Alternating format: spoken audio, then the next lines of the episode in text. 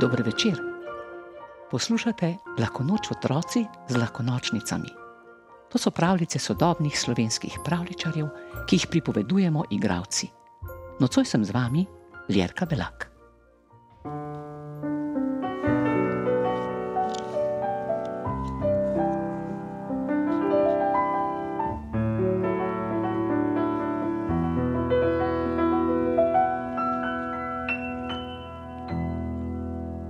Mravljinček Arnold je po pouku neučakano pohitev naravnost domov in že z praga veselo mahal s pričevalom.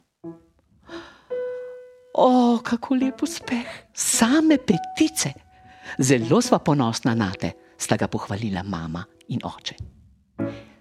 Mama je pripravila praznično kosilo in Arnold je za poobedek smel pojesti kar tri kristalčke sladkorja.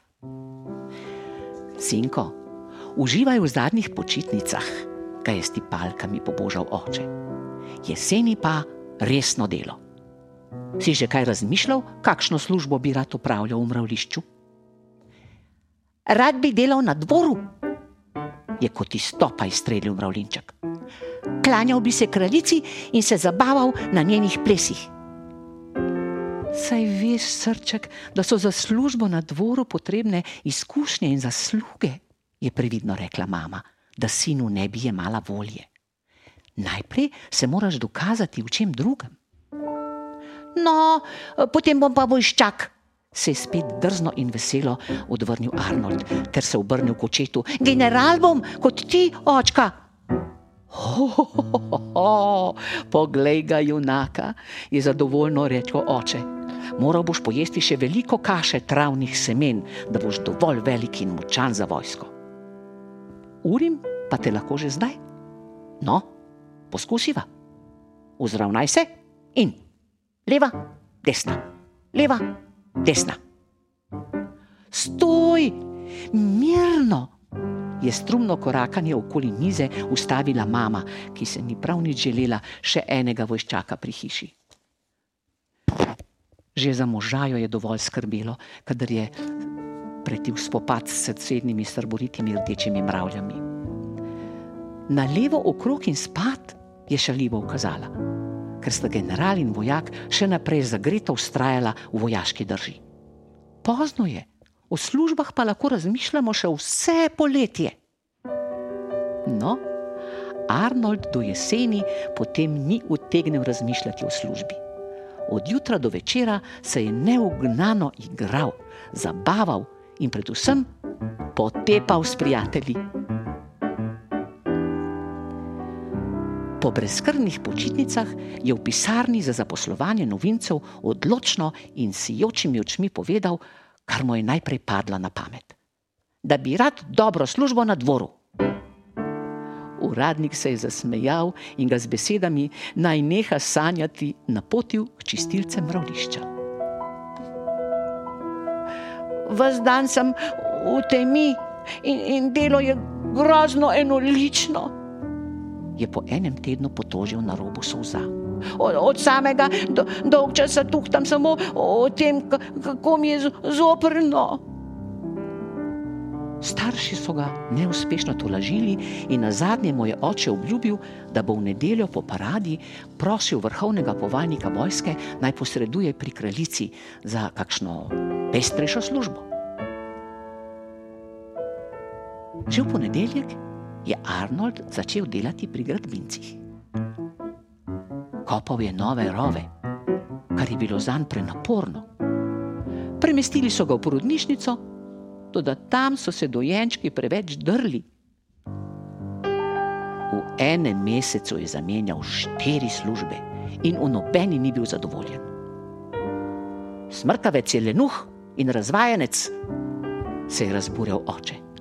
Mama pa ga je mirila, čež da nad sinom ne smeta že kar obupati. Zjutraj je Arnolda odpeljala na delo v svojo službo pri oskrbovalcih mravlišča. Hodim po mravlji cesti, iščem hrano in jo tovorim v shrambe. Všeč mi je. Na svežem zraku sem in veliko zanimivega vidim, je navdušeno pripovedoval. Dan za dnem se je Arnold fju, fju, žvižgajoč vračal z dela. Nekega večera pa ni bilo slišati njegovega požvižgavanja in starši so ga za manj čakali z večerjo. Od skrbi vso noč niso zatisnili očesa. Ko ga prihodnje jutro niso izsledile niti mravlje, odgovorne za iskanje pogrešanih, so se na smrt prestrašili, da se mu ni kaj hudega zgodilo.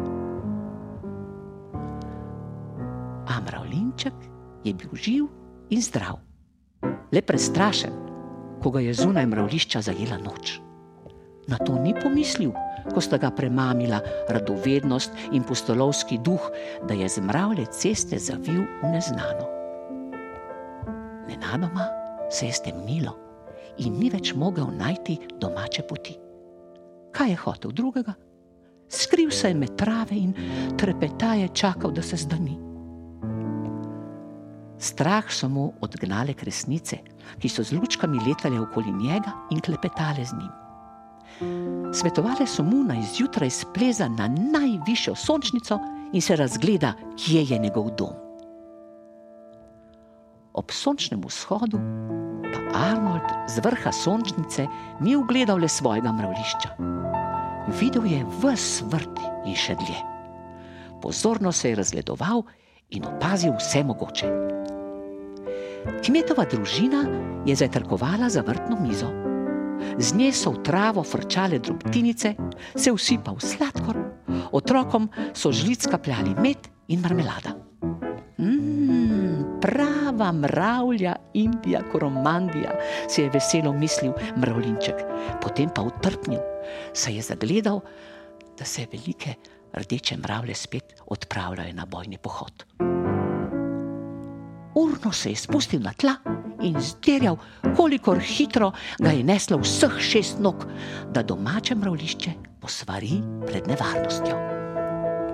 No, Rdeče mravlje so se potem kar obrnile, ko so videle na obrambo dobro pripravljene črne vojščake. Ker so bili vojščaki že postrojeni, jih je Arnold popeljal do vrtne mize. Zavarovali so pot in mravljam, oskrbnicam, pomagali nositi obilne zaloge dobrot v shrambe. Oče in mama sta bila presrečna, da se je vse dobro končalo. Dobro končalo? Ohoho, pravzaprav se je šele začelo tisto najboljše.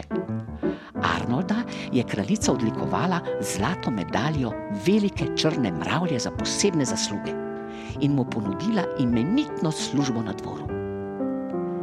Medaljo je sprejel, službo pa vljudno in hvaležno zavrnil. Ob svoji dogodivščini je namreč dobil odlično zamisel. Kraljice je predlagal, da bi ustanovil in vodil enoto za raziskovanje in opazovanje. To je bila v mravlišču čisto nova služba, toda kraljica je menila, da velja poskusiti. Kmalo se je pokazalo, da je raziskovanje in opazovanje za kraljestvo zelo uspešno in koristno. Z Arnoldom so najprej delali njegovi prijatelji potem pa tudi drugi črni mravlinčki, ki so bili po duši prav tako radovedni potepuhi in pogumni pustolovci.